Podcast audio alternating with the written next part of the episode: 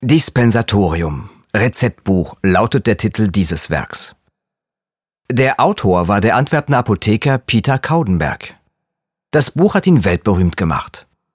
Plantin gab es 1568 zum ersten Mal heraus und es blieb es weit ins 19. Jahrhundert hinein ein Standardwerk.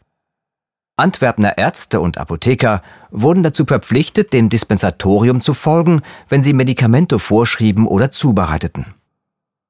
Wir sagten zwar, der Autor war der Antwerpner Apotheker Peter Kaudenberg, aber Autor ist hier wohl nicht ganz zutreffend.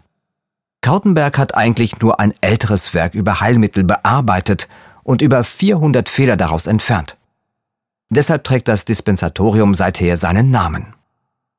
Kaudenberg legte auch den allerersten privaten Kräutergarten in Europa an und ließ dafür viele Heilpflanzen einführen.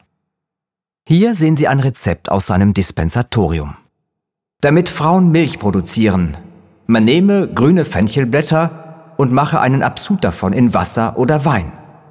Man gebe der Frau davon zu trinken, sowohl während der Mahlzeit als auch in anderen Augenblicken, so oft man kann.